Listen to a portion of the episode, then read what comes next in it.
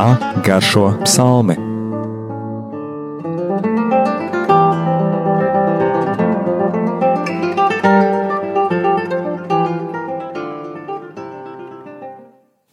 Slavēts Jēzus Kristus. Mūžīgi mūžos slavēts. Studijā Stela. Un Anģela.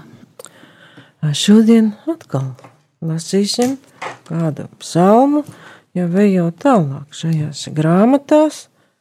Un šodien lasīsim 28. psalmu. Krievu tulkojumā viņš ir kā 27.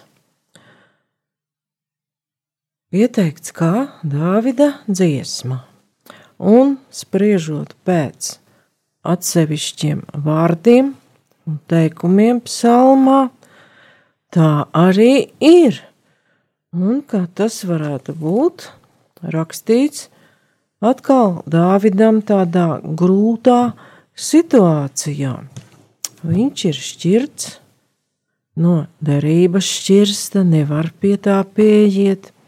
Acīm redzot, ir prom no Jeruzalemes Un vēl var saprast, viņš tomēr jau ir svaidīts par ķēniņu, ka viņam ir pilna, pilnas ķēniņa pilnvaras. Tik daudz mēs varam par šo psalmu izlobīt no dažiem tādiem momentiem, un pēc noskaņas tas šķiet tāds kā ļoti mierīgs psalms, kurā nekāda liela darbība nenotiek. Bet varbūt tieši šobrīd un šodien, kad visur mēs lasām kaut kādus briesmīgus lēmumus, pat haotiskus un nesaprotams, un ir liels nemiers, ir labi palasīt tādu mierīgu psalmu, kur ir tomēr doma par to, ka Dievs var klusēt ka var iestāties dieva klusēšana, kas šķiet, dievs nekā neredz, nedzird, un uz lūgumiem vispār nereaģē, ka dievs būtu tālu prom.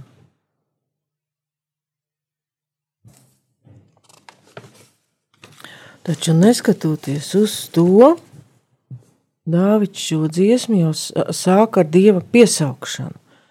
Un beigās mēs redzam arī gan slavēšanu, gan lūgumu pēc palīdzības. Un mēs varam psalmā pievērst uzmanību tiem nosaukumiem, tiem jēdzieniem, kādus Dāvids lieto, lai apzīmētu kungu, attiecības ar Dievu, un kas un kāds Dievs ir viņa pieredzē un viņa skatījumā – Un iespējams, ka daudzi mūsu līdzcilvēki, arī mēs paši, esam piedzīvojuši gan to, ka Dievs klusē, gan arī to, ka Viņš ir šis atbalsts un klints. Un te mēs uzreiz redzam, tevi es piesaucu, kungs, mana klints, nenovērs klusēdams no manis savu ausi, jo, ja tu klusē, tad es kļūstu līdzīgs tiem, kas grimuši kapa bedrē. Un citā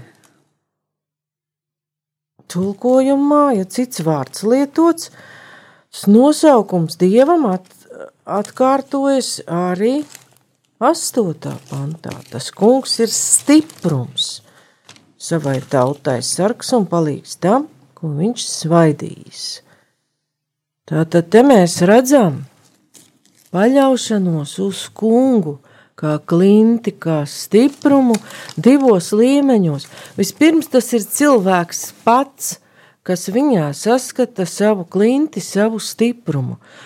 Un Dāvids norāda arī uz ļoti būtisku, tieši šodien būtisku lietu, kā Dievs Pat ja šķiet, ka viņš klusē un šobrīd tiešām liekas, ka Dievs klusē, saslimušo skaits un mirušo skaits aug, neviens nezina, ko iesākt, tiek izdoti visi visādi noteikumi un pat kristiešiem šķiet nekas nenostrādā un Dievs klusē. Bet Dāvids norāda uz to, ka vai šķiet, ka Dievs klusē. Neklusē, par to viņš ir runājis. Iesākumā sava psalma, 8. pants pasaka, ka kungs ir stiprums arī savai tautai.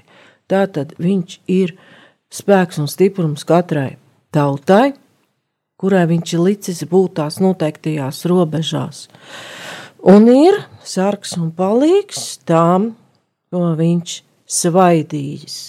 Nu, tajos laikos tieši ar svaidīšanu ķēniņš stājās amatā un atceramies, ka Samuēls svaidīja gan Saulu par ķēniņu, un kad kungs viņu atmeta, svaidīja Dāvidu par ķēniņu, un varam saprast, ka kaut arī šodien visus vadītājus demokrātiskās valstīs ievēlam šādās vai tādās vēlēšanās, kāda nu katram ir tā kārtība, un nekāda svaidīšana baznīcā ar eļļām vairs nenotiek, bet ļoti bieži tomēr valsts vīriem, kad viņi dod zvērestu, pat ir svētie raksti priekšā, bet katrā ziņā ir šis solījums uzticīgi kalpot tautai un tās labumam, Tātad kaut kas no šīs svaidījuma tomēr iet līdzi, un Dievs ir apsolījis, ka viņš,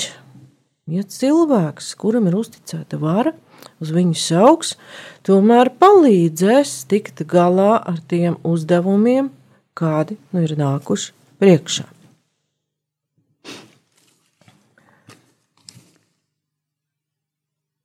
Un Dāvids situācija, kad Dievs klusē, salīdzina ar tādu mirušu stāvokli, kad cilvēks, sastopoties ar šo dieva klusēšanu, jūtas, kā būtu miris, kā būtu kapā.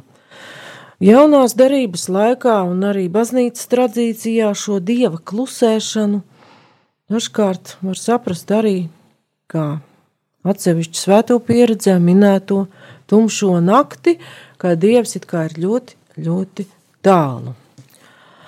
Bet Dāvids runā, Dievs ir viņa stiprums. Un te ir teikts stip, uh, klints latviešu tulkojumā, bet krievu tulkojumā ir tverdiņa. Tad vairāk attiec uz to stiprumu, kas ir 8. pantā. Un vēl varam saprast, kāpēc Dāvids jūtas kā kapā Uzklausi man skaļās lūkšanas balsi, kad es tevi piesaucu, kad es paceļu savus rokas pret tava nama vissvētāko vietu.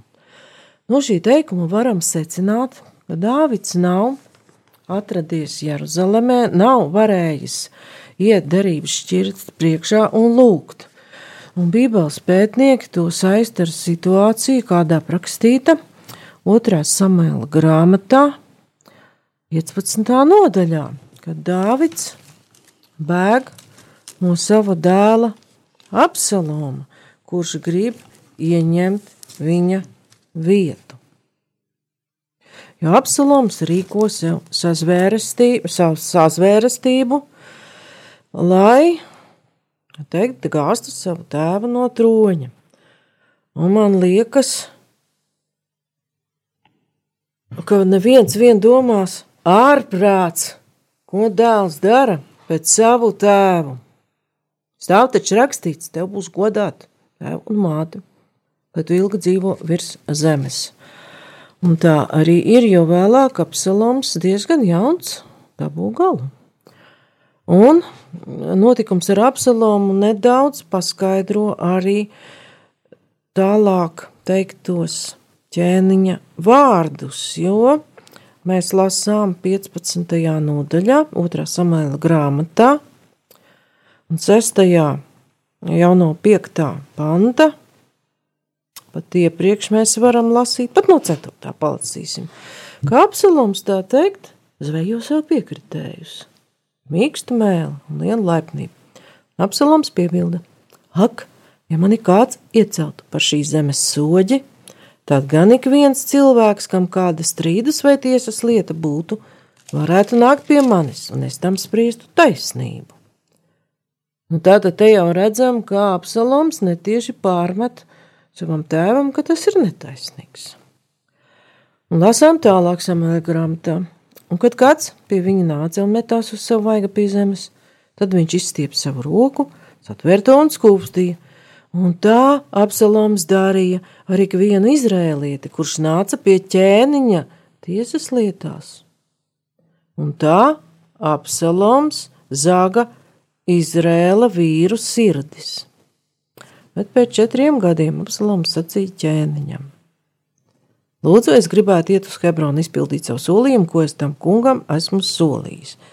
Un tālāk mēs par visu šo situāciju nelasīsim, jo laiks ir ierobežots, bet redzam, ka šis apdraudējums Dāvidam, kādēļ viņš nonāca ārpus Jeruzalemes, ir veidojies ļoti garā laika posmā.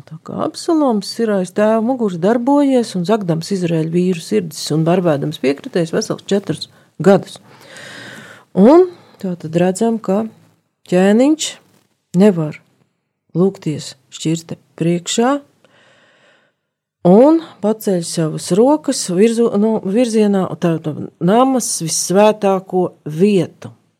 Tad viņš pievēršas savā sirdī nostājas uz to pusi, kur vajadzētu atrasties derības šķirstam. Un līdzīga situācija veidojas, ja cilvēks netiek baznīcā lūgties. Viņam tas ir aizliegts, jo viņš šo ārējo apstākļu dēļ, kādi mums ir, paldies Dievam pie mums, tomēr uh, valsts var ir pretīm nākošāk, bet ir, kur vispār cilvēki nevar iet lūgties. Viņš ir kā izlikts ārpus Jeruzalemes, nevar iet tabernākulu priekšā un lūgt. Tātad psalms tomēr Dāvida sauciens savienojas ar mūsu situāciju šodien, ka šķiet, ka Dievs klusē, un mēs esam atvirzīti nost no iespējas pilnvērtīgi lūgties altāra priekšā. Vēl mēs varam pievērsties tam, kas tad ir tas klints un stiprums jau vecajā derībā. Klints, no kuras Mūzus dabūja ūdeni, mēs varam atcerēties. Un tu tur skaties jaunajā derībā. Nav? Es nepaklinti skatos. Un par ko? Šeit, ka kungs ir klints un stiprums, Izceļošanas grāmatā 17. nodaļā mēs arī lasām, ka ir šī situācija, kā tuksnesī ūdens nav izrēlījuši, kā pienākas kārtīgiem cilvēkiem, kur ne, ūdens nav. Un šķiet, ka Dievs neko neredz un nedzird, un ka būs no slāpēm jāiznīkst. Bet Ar mūzes starpniecību Dievs šo situāciju atrisina. Mūzes sit ar spieķi pa klinti, un no tās iztek ūdens, un mēs jau to, kā jaunās darības cilvēki, saprotam šo pestīšanas klinti, jau pašu kungu Jēzu Kristu, ja krusta no viņa sāniem iztecēja ūdens un asinis, un arī pirmā pētera vēstulē ir runāts, ka kungs ir šī klints un šis stūrakmens. Un, protams, rodas jautājums, kāpēc Dievs klusē. Jā, bet eh, arī te, ja tu būsi mēms, es kļūšu kā tie, kas gribas bedrē. Ja? Ka tie gribas bedrē. Tas ir tas ļaunais, tā bedre, Ja, tad mēs arī varētu izlasīt no atklāsmes grāmatas. Ja. Tad es ieraudzīju eņģeli nokāpjam no debesīm. Tam rokā bija bezdibens atslēga un liela ķēde. Viņš sagrāba puķi sensenoču čūsku, kas ir vēlns un sātans, sasēja viņu uz tūkstošu gadiem un iegrūda bezdebenī, aizslēdza to un aizīmogoja uz tūkstošu gadiem, lai viņš nemaldinātu tautas. Paldies! Un šeit no Anģelas nolasītā ir tāds ļoti pat, uh, dziļš skaidrojumu pavērsiens, ka dievu klusēšanu nereti var izraisīt cilvēks pats, nevēloties pat uzklausīt vai uh, dieva balsi un noslēdzoties no viņa likuma, un ka šī atrašanās bedrē jau var būt līdzvērtīga ar atrašanos šajā sātana valstībā, bieži, pie tā pūķa. Bieži vien mēs runājam par to, ka Dievam ir cits laika, cits laiks, jā. Lūk, tur arī ir. Un cilvēks jūtas, kā nonācis šajā bedrē un it kā no ro Dieva rokas izmests, tāpēc, ka Dievam ir cits atbildēšanas laiks, un viņam šis lineārais laiks nepastāv, un viņš atbild citā veidā un citā laikā. Laikā, ko sauc grieķu valodā par kairos, kad Dievs redz, ka ir notikumam pienākusi īstā stunda. Un šeit es atceros, ka kāds godājams baptistu mācītājs Arvīts Vasks gadiem lūdzās, lai viens no dēliem kļūst par mācītāju. Un likās šīm lūkšanām nav rezultāta. Dievs klusē. Dēlam ir tam, kurš vēlāk tiešām kļūst par mācītāju, ir amats, viss ir profesija, viņš ir agronoms. Pat kundze jau saka, varbūt papu dievam citi plāni, viņam jau viss it kā nu, dzīvē ir. Taču pēc ilgiem gadiem Dievs atrada, ka ir iestājies laiks, lai šis mācītāja dēls atrastu šo ceļu un kļūtu par mācītāju. Viņš atstāja savu agronomu darbu un sekoja kunga aicinājumam. Pēc daudziem gadiem. Tad šis notikums un kādi noteikti ir mums zināmi neviens vien, parāda to, ka Dievs uzklausa vienmēr ka viņa auss ir pievērsta lūdzējam, bet viņam ir savs laiks. Un arī ieba grāmatā no to īpaši cietais ieps, ja, un kad Eli, Eli, Eliks viņam stāsta par tām attiecībām ar Dievu, mēs varam dzirdēt vārdu no 33. nodaļas. Manu dvēseli viņš glābs no bedres, un mana dzīvība redzēs gaismu. Redzi, ko visu dara Dievs, divreiz cilvēkam un vēl trīs reizes, lai šādu vēseli atņemtu bedrei, apgaismotu ar dzīvības gaismu, uzklausījiep, sadzirdi mani, paklusē, nu runāšu es.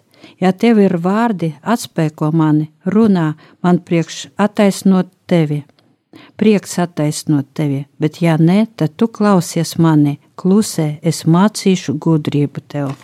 Paldies! Arī šeit mēs redzam to, ka ir cilvēks šajā bedres sajūtā, ka Dievs klusē, ka viņš ir ļoti tālu no cilvēka. Un, uh, ja mēs lasām visu iepu grāmatu, mēs arī redzam, ka Dievs ilgi viņam neatbild, ka viņš ar draugiem strīdās ļoti ilgi un pat diezgan asi, ka Dievs atbild citā veidā un citā laikā, un ka šo Dieva klusēšanas izjūtu ir piedzīvojis pats Kristus, mēs to skatījāmies kādus raidījumus atpakaļ, ka pie krusta viņš arī sauc mans Dievs, mans Dievs, kāpēc tu mani esi atstājis un lūdzas ar psalma vārdiem. Tad šī eh, pamestības izjūta ir bijusi zināma pat pašam dieva dēlam, bet mēs zinām, arī kad mēs lūdzam ticības apliecību, ka viņš nokāpa tajā bedrē, nokāpa ellē un augšām cēlās.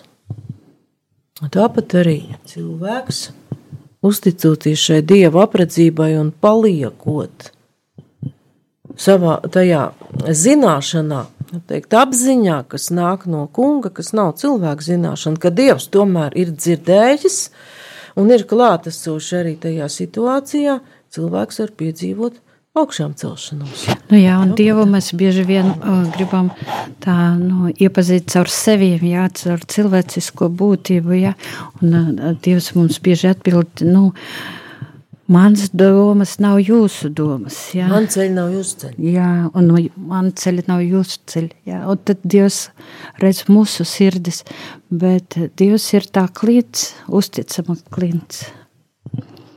Paldies! Šeit Anģela vairāk runāja tieši par paša cilvēka attiecībām ar Dievu un klinti, kā paša cilvēka stiprumu, bet šajā Dāvida psalma beigās, jau kā es minēju, tas attiecas arī uz veselu tautu.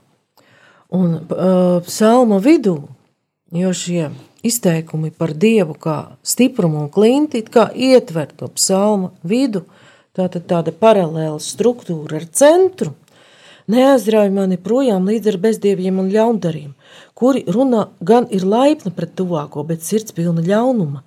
Dod tiem pēc viņu darba, pēc ļaunuma, ko tie darījuši. Pēc viņa roka darba dod viņiem, atmaksā viņiem pēc nopelna, jo viņi neņem vērā tā kunga darbību, nedz viņa roku darbu, tāpēc viņš tos satrieks un nepacels.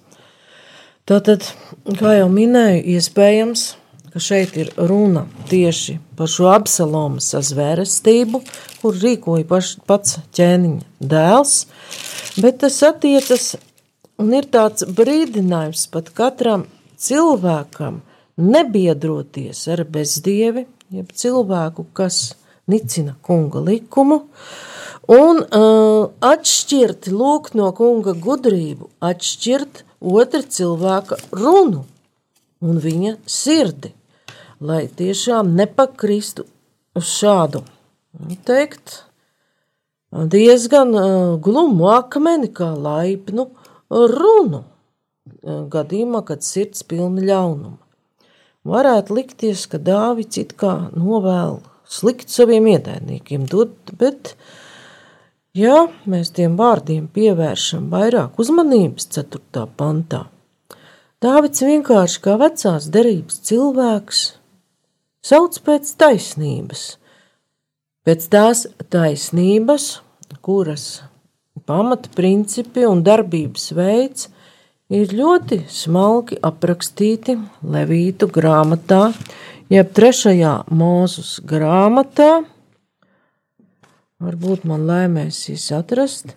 Jā, tā tiešām ir 26. nodaļa, kur kungs ir pateicis svētības vārdus par paklausību un lāsts par nepaklausību. Un tur ar lāstu nav jāsaprot, kā reizēm tādi neadekvāti vai ļaunumu pārņemti cilvēki saka, es tevi tur nolādu novēlu to tev, to tev. Dievs ir ļoti uzticīgs savos apsolījumos un dod, varētu teikt, atšķirībā no daudzu civilo uh, valdnieku noteikumiem, ļoti skaidrus un paliekošus noteikumus. Ja tu turēsi manas tiesas, un tās tiesas ir dotas otrajā mūzus grāmatā, jeb izceļošanas grāmatā, un mēs tās pazīstam kā dekalogu, jeb desmit baušļus, ja tu viņus turēsi, tev būs svētība. Bet, ja tu nesekosi šiem, var teikt, satiksmes noteikumiem, tu dabūsi pēc savu roku darbu. Tavs darbs nenesīs labumu, tev nebūs svētības. Un to Dārvids ir gribējis pateikt šajā vidus, psalma vidus posmā, ka, kā viņš pītā pantā saka, viņi neņem vērā tā kunga darbību, nevis viņa roku darbu, bet viņš to satriks un nepacels. Tad neņem vērā kunga dotos likumus un neņem vērā kunga roku darbu. Tas ir ļoti īsts teikums, bet viņš var teikt, sasaucas jau ar mūsdienu situāciju ka mēs cilvēki esam ignorējuši kunga roku darbu, zemi un tās labums, kas mums ir uzticēti, un patreiz dabūjam tieši pēc savu roku darbu, ka mēs mums uzticētos dabas resursus, zemi, kas iedot ir kopt un sargāt, esam gandrīz vai iznīcinājuši. Mēs esam nonicinājuši to, neesam ņēmuši vērā. Bet tomēr ir cerība, ka kungs kaut ir patreiz satrīcis, viņš tomēr arī pacels. Jo tālāk, ja psalmists runā, ka slavēts, lai ir tas kungs, jo viņš uzklausīs mans lūgšanas balsi, un šeit no 7. panta jau savienojas tas individuālais, kad kungs ir stiprums un balsts pašam ķēniņam, Kungs ir mans stiprums un mans vairogs, mans sirds paļaujas uz viņa. No viņa nāk palīdzība. Mana sirds ir līksma, ar savām dziesmām es viņam gribu pateikties. Vispirms viņš pats grib pateikties par šo draudzību ar kungu un kunga uzticību, un tad viņš jau runā, ka tautas valsts vadītājs par savu tautu. Tas kungs ir stiprums savai tautai, sargs un palīgs tam, ko viņš ir svaidījis. Palīdzi savai tautai un svētī savu īpašumu, gani to un nes uz savām rokām mūžīgi.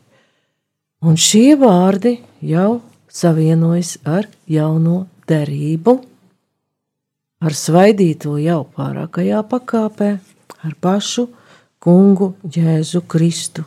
Jo kas ir tas, kas gana tautu? Jāņa evanģēlijā mēs varam lasīt par labo ganu, kurš ņem jēru uz pleciem un nes, un kurš sargā āvis no ļaunuma savā aplokā. Un vēl, kāpēc mēs jau te varam sas saskatīt uh, šo svaidīto mesiju, savai tautai mēs to varam attiecināt uz visu jaunās derības tautu un nes uz savām rokām. Un te jau vairs nav, ka tikai Dāvida valdīšanas laikā nes uz savām rokām mūžīgi. Tātad Dāvids savā psalmā jau ir runājis par ķēniņu, svaidīto, kas būs no viņa cilts un viņa celma atvase, bet būs jau lielāks par viņu. Kurš var, varēs ganīt tautu un nest to mūžīgi. Un arī savā laikā Samuēls svēdē pašu Dāvidu. Ja? Jā, kā mēs atceramies. Ja? Jā, un tā kā mēs šeit varam caur šo psalmu izsekot pat, kā pravietis, dieva aicinātais svaida šos ķēniņus, kuriem uzticēta vara zemes virsū, un aiziet līdz pat paša kunga svaidītajam Jēzum Kristum. Un visā šajā, varētu teikt, pat kā mums iznāk kopā ar Anģelu tāds par diviem Izraēļu valdniekiem pārskats, mēs redzam arī to, ka Dievs ieceļ un atceļ valdniekus. Es varu mazliet izlasīt no pirmā samuēla grāmatas. Jā 12. 16. nodaļas, 12. panta. Un kungs teica, cēlies svaidi viņu, jo tas ir viņš. Samuēls ņēma eļas ragu un svaidīja viņu brāļu priekšā, un kunga gars spēja nāca par Dāvidu kopš tās dienas un turpmāk, bet Samuēls celās un gāja uz rāmu. Paldies! Un no šī Anģēlas nolasītā teksta mēs saprotam, ka visi tie, kam tomēr ir dota vara un atbildība, ir to saņēmuši no dieva, ja pat nav tieši šis pats svaidīšanas rīts, un ka viņu darbības, vai tās ir prātīgas, vai dažkārt arī neprātīgas, tomēr ir un paliek kunga kontrolē un viņa aprecībā. Paldies par uzmanību! Studijā bija Stela un Anģela.